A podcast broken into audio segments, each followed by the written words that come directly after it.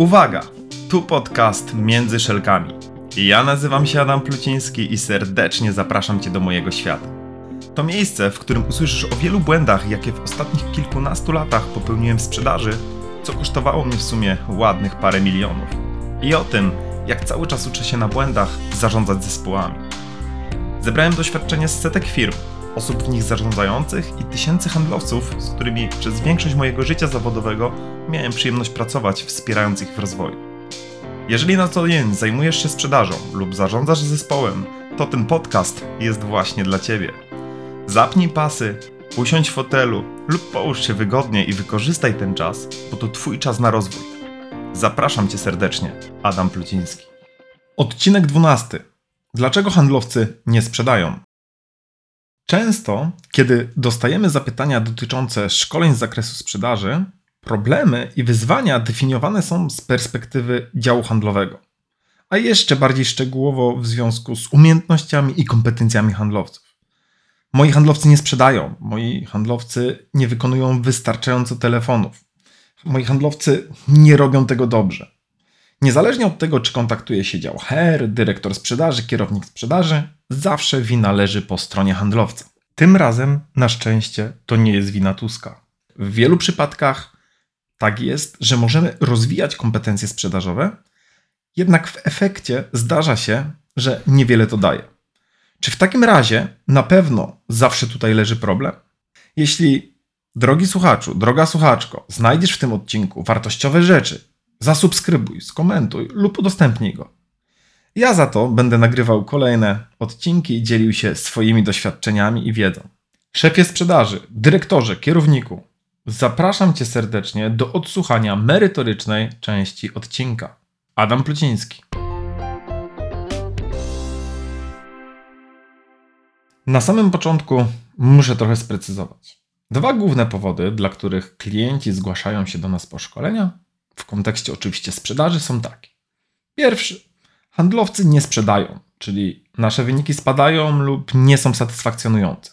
Drugi powód, mamy dobre wyniki, czy też wyniki na akceptowalnym poziomie i chcemy robić więcej i lepiej.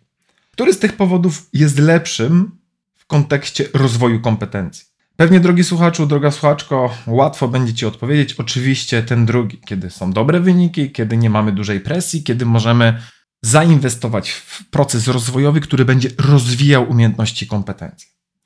Niestety, na 10 projektów, które do nas trafiają, czy też zapytań, tego typu projektów mamy około dwóch. Najczęściej są to momenty, w których potrzebujemy uratować tą sprzedaż, potrzebujemy zrobić coś więcej, bo źle się dzieje w państwie duńskim. Niezależnie od tego, z którym z powodów zgłasza się firma, chodzi o jedną ważną rzecz: żeby handlowcy sprzedawali więcej. Przecież to zawsze jest celem sprzedaży. Jeżeli będziemy sprzedali więcej, będziemy rozwijali swoją sprzedaż, będziemy mogli się rozwijać. Przecież zarządy wymagają tego, aby cały czas podnosić wyniki sprzedażowe. No i jeżeli to zrobimy, to wszyscy będą zadowoleni i usatysfakcjonowani. Tylko mam takie jedno ważne pytanie, które zadałem w samym tytule odcinka. Dlaczego handlowcy nie sprzedają? Gdzie tak naprawdę leży problem sprzedaży? To, o czym już mówiłem na samym wstępie, powodów najczęściej upatruje się u handlowców. To oni nie dzwonią, za mało dzwonią, za mało realizują spotkań, albo schodzą za bardzo z ceny, są niesorganizowani, źle planują trasy. I zawsze ten powód jest po stronie handlowca. Przecież to oni są tymi złymi, to oni nie realizują celów. Przecież mają konkretne cele do realizacji, ale tego nie robią. No i teraz nie robią tego dlaczego? Dlatego że nie mają umiejętności i kompetencji, ale jeżeli spojrzymy na to, że pracują po 5, 10, 15 lat w tej firmie, to jak to jest możliwe, że przez tyle lat się utrzymali? No dobra, zmienia się rynek, zmienia się otoczenie, musimy zacząć sprzedawać inaczej, a oni cały czas robią to po staremu, jak 20 lat temu. Tak, to prawda, może w tym być powód, można coś zmienić. Tylko problem nie leży tylko u handlowców czego tak naprawdę nie widzą lub nie chcą zobaczyć właściciele, szefowie sprzedaży czy dyrektorzy.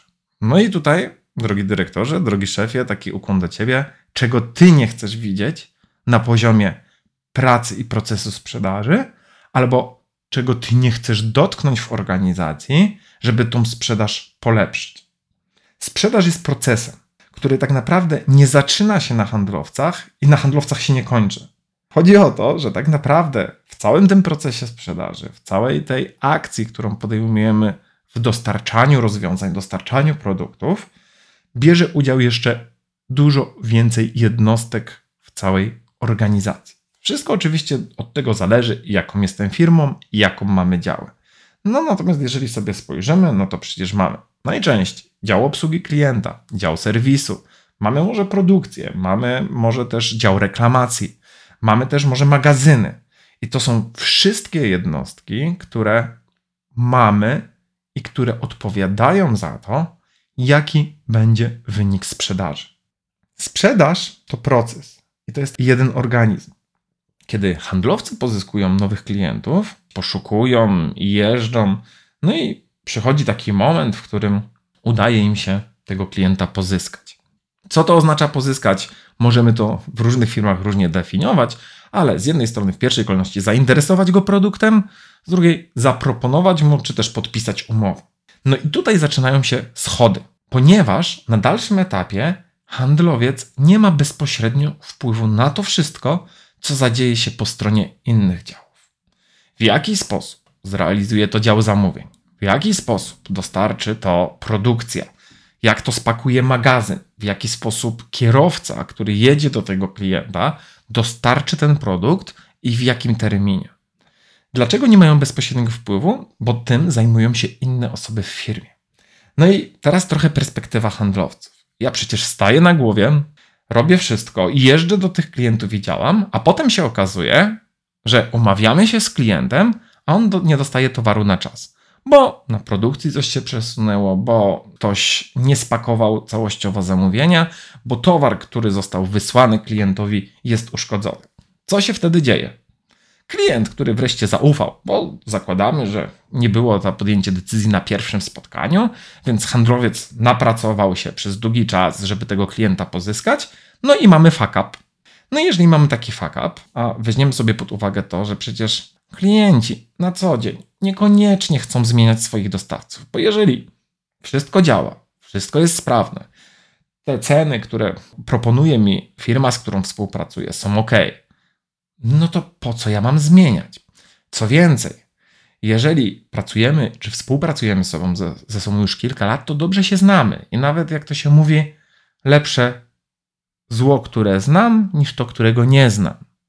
Choć może to powiedzenie brzmiało trochę inaczej. Chodzi mi o to, że dlaczego ja mam zmieniać na kogoś, kogo nie znam, bo mogą się pojawić różnego typu problemy i wyzwania. No i teraz, kiedy ja wreszcie zaufałem temu handlowcowi, dokonuję zakupu, a mój towar nie przychodzi, czy mój towar przychodzi uszkodzony, czy nie dostaję informacji, czy jak dzwonię na dział reklamacji, zareklamować i słyszę, wie pan co, no ale czy sprawdził pan przesyłkę podczas odbioru, bo jeśli nie, no to, to tutaj nie możemy już nic zrobić, to w takim razie jak ja mam złożyć kolejne zamówienie u tego handlowca? To jest tylko i wyłącznie potwierdzenie tego, że ja dobrze robiłem przez tyle czasu, że nie chciałem zaufać i podjąć decyzji zakupowej. No i teraz, drogi właścicielu, drogi dyrektorze, klient, którego nowego pozyskujemy, musimy się w pełni nim zaopiekować. Oczywiście nie tylko tym i nie tylko pierwszą transakcją, ale ona jest kluczowa. Jeżeli handlowiec coś sprzedaje, bo pozyskał tego klienta, pozyskał jego zaufanie, no to do cholery trzeba tak naprawdę się z tego wywiązać. I na to ma wpływ cała organizacja. Cały czas chcecie poszerzać swoje portfolio, firma się rozwija, ale na przykład nie idzie za tym technologia. Co to oznacza? Oznacza to to, że pracujemy na dziesiątkach różnych systemów. Okazuje się, że handlowiec, który sprawdza stan magazynowy, niekoniecznie może być tak, że widzi aktualne statusy. Kiedy ktoś coś zdejmie magazynu, niekoniecznie od razu to zaktualizuje. Czasami sprzedaje to, czego już nie ma i musimy czekać na dostawę ileś czasu. Brak odpowiedniej technologii i połączenia systemów wpływa na to, że mamy pewną dezinformację w firmie. Albo klient, który dzwoni do firmy, bo do handlowca się nie dodzwoni, bo akurat rozmawia, więc zadzwoni na numer ogólny, dostaje inną informację niż uzyskał od handlowca. Ktoś mówi, że towar jest, ktoś, że nie ma. Ktoś mówi, że będzie za 5 dni, ktoś, że za 15. I wtedy tak naprawdę cały ten proces obsługi klienta wpływa na to, czy ten klient tak naprawdę dalej z nami będzie. My cały czas chcemy poszerzać portfolio klientów. Chcemy sprzedawać coraz więcej. Chcemy, żeby coraz więcej tych klientów na co dzień u nas kupowało, a tak naprawdę nie jesteśmy gotowi na ich obsłużenie. Coś tutaj jest nie tak. Bo jak ci handlowcy mają mieć motywację do tego, żeby każdego dnia starać się o tych klientów, a potem na końcu się okaże, że ktoś za przeproszeniem spierdzielił sprawę. To jest bardzo kluczowy aspekt, na który często nie zwraca się uwagi. No bo przecież system jest wielkim wydatkiem. Bo jak teraz mamy zmienić te systemy, na których pracujemy od 10 lat, to będzie nas to kosztowało x złotych. Tylko jeżeli tego nie zmienimy, to w żaden sposób nie jesteśmy w stanie uzyskać lepszych wyników. Jeżeli nie wiem, nie mamy odpowiedniego systemu CRM albo systemu zamówień, no to jak ja mam ogarnąć 100 klientów? Jak ja mam pamiętać o tych wszystkich datach? Oczywiście mogę to robić w Excelu, w kalendarzu Google, w zeszycie, ale jeżeli nie mam odpowiedniego systemu, no to nie jestem w stanie zarządzać kontaktami z klientami. Klienta w ogóle trudno pozyskać na konkurencyjnym rynku, a czym bardziej konkurencyjny rynek, na którym pracujesz, tym trudniej jeszcze go pozyskać, ale jeszcze łatwiej go stracić. Bo najczęściej to nie są sytuacje, w których pozyskuję tych klientów w ciągu jednej rozmowy telefonicznej.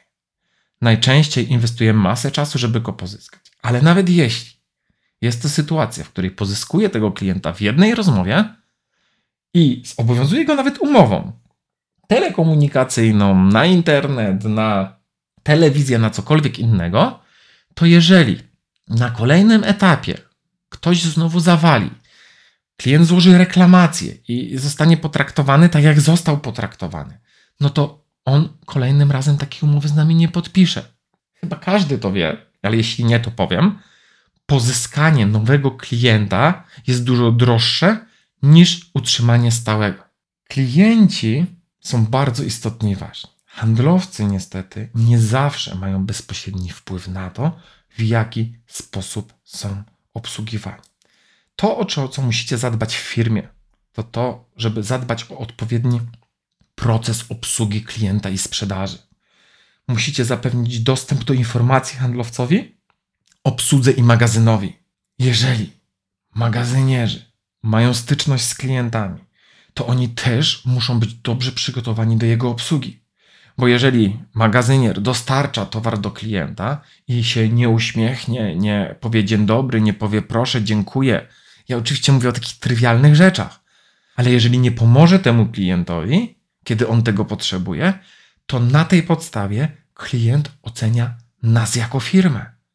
Co więcej, on ocenia tak handlowca, z którym handluje, bo to przecież on z ramienia firmy jest tą osobą, która jest pierwsza do kontaktu. No i teraz, kiedy handlowiec nie ma dostępu do informacji, że coś nie dojdzie, że kurier się spóźnił, że nie ma czegoś na magazynie, że coś zostało źle spakowane, to do kogo w pierwszej kolejności dzwoni klient i ma pretensje? I handlowiec odbiera i jest zaskoczony, a potem wychodzi na to, że jest niekompetentny, no bo nie ma wiedzy, nie ma informacji.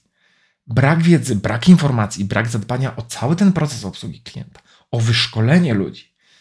Zewnętrznie, wewnętrznie, nieważne. Ludzie muszą być przygotowani na to, żeby odpowiednio i profesjonalnie obsługiwać klientów. Jak dobrze wiemy, ceny wzrastają, coraz większa konkurencja na rynku i dobra obsługa już nie wystarczy. Informujcie klienta o tym, jeśli coś jest na rzeczy. Jeżeli handlowiec nie ma informacji, że coś się dzieje z zamówieniem, że nie zostanie ono zrealizowane, że jest jakiś problem na produkcji, to nie jest w stanie wcześniej zareagować. A jeżeli sytuacja jest już po fakcie, a jest to nowy klient, wtedy tak naprawdę może być już za późno. Dokładnie tak samo jest z klientami, którzy aktualnie od długiego czasu z Wami współpracują. Jeśli zaczyna być coś nie jeżeli nie ma spójności w komunikacji, jeżeli dzwoni do recepcji, jeżeli dzwoni do działu obsługi klienta i tam dostaje błędne informacje, to to jest znak dla klienta, hmm, to może warto jednak spotkać się z tym handlowcem z innej firmy, bo już nie męczą te problemy. Więc możemy pracować klientami od wielu lat i możemy tak samo tą relację, którą przez wiele lat budowaliśmy, po prostu ją stracić. Pójdą gdzieś indziej, zaczną część rzeczy zamawiać u innych. I powoli to jest taka droga, w której wreszcie z Was zrezygnują. Szefie, musisz pytać swoich handlowców o to, co jest kluczowe i potrzebne z ich perspektywy do usprawnienia procesu sprzedaży. Ja wiem, wiem, wiem, no tak, oni zawsze czegoś wymagają, oni zawsze czegoś chcą, bo zawsze coś jest nie okay, bo ceny są za wysokie, bo konkurencja coś działa. Ale szefie, drogi szefie, chodzi o to, że twoi handlowcy na co dzień spotykają się z tymi klientami. Codziennie widzą te problemy, które są wewnątrz organizacji. Ja wiem o tym, że nie zawsze można wszystko rozwiązać od ręki, ale kiedy będziemy zamiatali pewne rzeczy pod dywan, kiedy nie będziemy podejmowali decyzji, tak naprawdę nic się nie zmieni. Ja nie dotykałem tu już tematu marketingu, reklamy i innych rzeczy.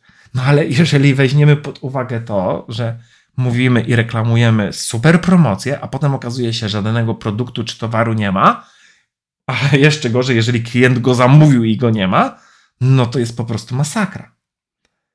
Czasami tak naprawdę szkolenia handlowców nie mają sensu, jeśli nie zaopiekujemy się organizacją obsługi klienta i sprzedaży na każdym punkcie styku z klientem. Na magazynie, wśród sprzedaży, wśród obsługi, wśród nawet księgowości. Pamiętajcie, że jeżeli klient dostaje telefon, dzień dobry, gdzie są nasze pieniądze? Oczywiście trochę to wyolbrzymiam, ale to w jaki sposób on tak naprawdę ocenia całą organizację. Zatrudniając nowych ludzi, musicie pamiętać o tym, że oni muszą być przygotowani. Oni muszą wiedzieć, co mają robić, jak mają działać, gdzie mają znaleźć informacje. Jeżeli firma szybko się rozwija, zatrudniamy wielu ludzi, to tracimy masę pieniędzy poprzez stratę masy klientów lub poprzez to, że nie wykorzystujemy tego potencjału. Niewyszkolony personel, nieprzygotowany personel wpływa na stratę klientów, na to, że klienci nie chcą kupować, że kupują gdzieś indziej. Spisujcie procesy i procedury. Jeżeli wdrażamy nowe osoby, to warto, żeby ona miała dostęp do procesów, do tego, jak to działa. Co zrobić w momencie, kiedy klient dzwoni i mówi: Mam problem, to do kogo powinna przekierować? Jeżeli klient dzwoni i pyta o ofertę, musicie mieć standard na to, jak szybko daną informację przekazujemy. Jeżeli nie mamy systemu, który wymienia informacje, to ten system musicie sobie zbudować na poziomie komunikacji pomiędzy poszczególnymi działami i poszczególnymi osobami. Nie może być takiej sytuacji, w której klient dzwoni na dział obsługi klienta, mówi, że potrzebuje ofertę, na następny dzień dzwoni do handlowca i mówi: y, Sorry, ja nie dostałem tej propozycji. Co się dzieje? Dlaczego mi nie wysłaliście? Albo jeszcze najgorsze, wiesz co, no w związku z tym, że nie wysłaliście mi ofertę, ja kupiłem gdzieś indziej. No bo na poziomie priorytetów dział obsługi klienta stwierdził, że ma jeszcze 10 innych zadań i tym zajmie się później. Chodzi o to, że tego typu małe rzeczy wpływają na bardzo duże efekty firmy i na tą sprzedaż w firmie. Procesy oczywiście i procedury nie zastąpią też tego, aby tak naprawdę uludzić biznes, żeby to podejście klienta było ludzkie. To, że mamy standardy, to, że mamy procedury, to, że wymaga coś czasu na rozwiązanie sytuacji klienta, to nie znaczy, że nie możemy podejść do tego po ludzku, że nie możemy sprawić tego w taki sposób i trochę znaleźć rozwiązanie dla tego klienta. Dzisiaj liczy się to indywidualne podejście. Liczy się to, że klient ma możliwość niestandardowo czasami załatwić swoją sprawę. Coraz więcej firm wdraża szereg polityk. Politykę reklamacyjną, która zakłada, że wszystkie reklamacje uznajemy. Jeżeli jakiś towar się uszkodzi, wysyłamy klientowi od razu nowy, nie czekając na reklamację. Kiedy klient ma potrzeby towaru, ale nie jest w stanie za niego zapłacić, poszukuje się rozwiązań na poziomie rat czy częściowych płatności, przedpłaty za część, czy wysyłki w dwóch mniejszych transportach. Chodzi o to, że nawet jeżeli nie macie tego w standardzie, zastanówcie się, czy to właśnie wasi ludzie w obsłudze klienta, na magazynie, czy też handlowcy nie powinni mieć możliwości decyzji, żeby pewne rzeczy rozwiązywać niestandardowo. Dlaczego? Bo będzie to szanowane przez klientów i będzie to przez nich doceniane. Poza tym, kolejną rzeczą to jest to, że każdy w firmie odpowiada za sprzedaż. Za sprzedaż odpowiada magazynier, za sprzedaż odpowiada obsługa klienta, za sprzedaż odpowiada zakupowiec, za sprzedaż odpowiada też prezes czy właściciel, który wygląda dobrze i jest dobrze ubrany albo nie jest. Bardzo dobrym przykładem na to może być sytuacja jednego ze sklepów meblowych, gdzie meble zaczynają się od kilku, kilkunastu tysięcy, czyli jest to marka premium, a właściciel w tym salonie wygląda taki sposób, że klienci dopytują, czy to jest ktoś z obsługi. Zachowuje się w taki sposób, że zraża klientów do dokonania zakupu. No halo, jeżeli tak się dzieje, to jak możesz wymagać od tego handlowca, od tego sprzedawcy, żeby on zadbał o to, aby klient kupił ten towar? Co w takim razie, drogi szefie, szefowo, kierowniku, kierowniczko, dyrektorze, dyrektorko, możecie zrobić? Punkt pierwszy. Zorganizujcie spotkanie. To jest kluczowe. Punkt drugi. Zaproście na to przez spotkanie przedstawicieli wszystkich działów. Wszystkich, które mają styczność z klientem, pośrednią lub bezpośrednią. Trójka. Stwórzcie listę rzeczy, które nie działają w Twojej firmie. Bez oceny, bez zdefiniowania, czy dana, dane rozwiązanie, czy dana sprawa jest pilna, mało pilna, czy jest ważna, czy nieważna, czy można to rozwiązać, czy też nie. Punkt czwarty. Określcie priorytety. Niech ludzie dokonają oceny, które trzy tematy z ich perspektywy są tymi najważniejszymi tematami, którymi powinniśmy zająć się w pierwszej kolejności. Punkt piąty. Wybierzcie jedną rzecz, którą wrzucicie na warsztat i poszukacie możliwych rozwiązań. Całej listy, całego szeregu. To nie jest jeszcze etap, w którym oceniamy, czy to będą rzeczy kosztowe, czy bezkosztowe.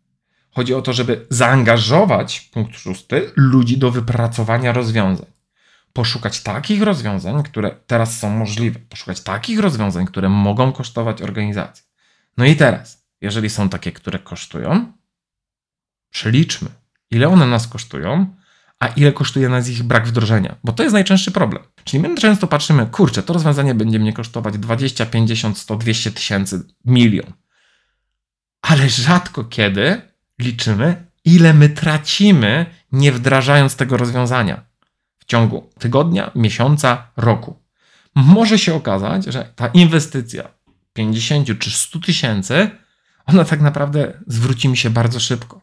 Bo jeżeli ja tracę klientów, jeżeli okazuje się, że ja nie mam informacji i przez to w ostatnim miesiącu x klientów odpadło, a rocznie przynosili mi dochody na poziomie Z, to może się okazać, że tak naprawdę wdrożenie tego rozwiązania pozwoli mi zaoszczędzić, a nie wydać. Więc musimy spojrzeć też na to z tej strony. Punkt siódmy: wybierzcie to rozwiązanie, które jest możliwe do wykonania jak najszybciej. Ono nie musi oczywiście składać się z jednego punktu. Może to być cała lista pewnych działań, które do tego doprowadzają. Tylko chodzi o to, że nie ma sensu wybierać dziesięciu innych, ponieważ jak dobrze pewnie sobie zdajecie sprawę, jeżeli zajmiecie się więcej niż jednym tematem, to większość z nich upadnie i nic się nie zmieni i za jakiś czas wszyscy wrócą do normy. Punkt ósmy. Poinformujmy ludzi, dlaczego w tym momencie działamy właśnie tak, dlaczego wybraliśmy to rozwiązanie i dlaczego będziemy działać właśnie teraz i poinformujcie, co stało się z innymi rzeczami. Albo kiedy do nich wrócimy, czy one są zaparkowane. Punkt dziewiąty poinformujcie wszystkich o standardzie. Jeżeli coś zmieniacie, jeżeli coś wdrażacie, jak teraz powinniśmy działać, jak teraz powinniśmy komunikować się z klientami. Wszyscy muszą mieć jedną informację, muszą dokładnie wiedzieć, jak na tym etapie działać. Bo może się okazać, że warto powiedzieć klientowi, drogi kliencie, na tym etapie pracujemy na wdrożeniu jakiegoś systemu, rozwiązania, które w przyszłości wyeliminuje tego typu sytuacje tylko ta informacja musi być spójna i w każdym miejscu. Punkt dziesiąty. Zweryfikuj, jak działa dane rozwiązanie w ciągu tygodnia, dwóch, trzech, czterech miesiąca, kwartału. Chodzi o to, że jeżeli cokolwiek wdrażamy, cokolwiek mierzymy, to musimy weryfikować, jakie przynosi to efekty. Musimy określić sobie wskaźniki, na poziomie których my poznamy, że dane rozwiązanie ma sens. Punkt jedenasty podsumuj to, co osiągnęliście, co się udało i dokonaj aktualizacji, co możemy znowu zmienić, co możemy udoskonalić, albo czym tak naprawdę musimy się teraz zająć w pierwszej kolejności. Małe kroki przynoszą ogromny efekt. Dlaczego twoi handlowcy nie sprzedają? Dlatego, że tak naprawdę nie wszystko leży po ich stronie. To cała firma odpowiedzialna jest za efekt sprzedażowy. Handlowiec jest przedstawicielem. Jest oczywiście odpowiedzialny za wynik, za dowiezienie tego wyniku i za realizację sprzedaży. Jeżeli nie zapewnimy mu odpowiednich narzędzi, nie zabezpieczymy całej organizacji, nie przeszkolimy ich dobrze, nie przygotujemy ich do tego, żeby dobrze obsługiwali klientów, to choćby handlowiec stanął na głowie, zaklaskał uszami, nie będzie w stanie dowodzić tych wyników, albo będzie je dowodził, wykorzystując tyle energii, i będzie to dla niego takim kosztem emocjonalnym, że drogi szefie, droga szefowo, za jakiś czas może zniknąć z Twojej firmy, bo po prostu już mu się nie będzie chciało. Mam nadzieję, drogi słuchaczu, droga słuchaczko, że z tego odcinka wyciągniesz dla siebie wartościowe rzeczy. Że przyjrzysz się, jak wygląda Twój proces sprzedaży, jak wygląda proces obsługi i zweryfikujesz i zdefiniujesz problemy, którymi powinniście zająć się od zaraz. Jeżeli jesteś handlowcem, jeżeli obsługujesz klientów, jeżeli odpowiadasz za dział reklamacji czy za magazyn, jedna ważna informacja dla ciebie. Jeżeli ty nic z tym nie zrobisz, nie będziesz tego zgłaszał, nie będziesz suszył głowy swojemu szefowi, to wierz mi, że nic się nie zmieni. Ja dobrze wiem, że można setki razy powtarzać i wtedy się już nie chce. Ale czy lepiej jest tak naprawdę nic nie robić? Odpowiedź na to pytanie droga słuchaczko, drogi słuchaczu, pozostawiam Tobie. Z mojej strony, merytorycznie, to już wszystko. To, co jest jeszcze tylko dla mnie ważne, to to, żebyś pamiętał o tym, że jeżeli wyciągasz coś wartościowego, zostaw ten komentarz, zasubskrybuj, daj lajka, udostępnij. Ja dzięki temu trafiam do szerszego grona klientów i dzięki temu mogę nagrywać po prostu kolejne odcinki. I na koniec jeszcze jeden ważny komunikat. Jeżeli widzisz w swojej firmie problemy, wyzwania w kontekście sprzedaży, obsługi klienta czy też zarządzania, nie wahaj się napisać do mnie na LinkedInie, na maila adampluciński.circinus.pl, znajdź mnie na Facebooku, czy zadzwoń do mnie na numer 513 955 288, to jest numer bezpośrednio do mnie. Porozmawiajmy. Jeżeli w jakiś sposób ja czy moja firma będziemy w stanie Tobie pomóc, chętnie to zrobimy. Jeżeli nie, bardzo otwarcie powiem: sorry, są inne firmy, które w tym temacie są lepsze.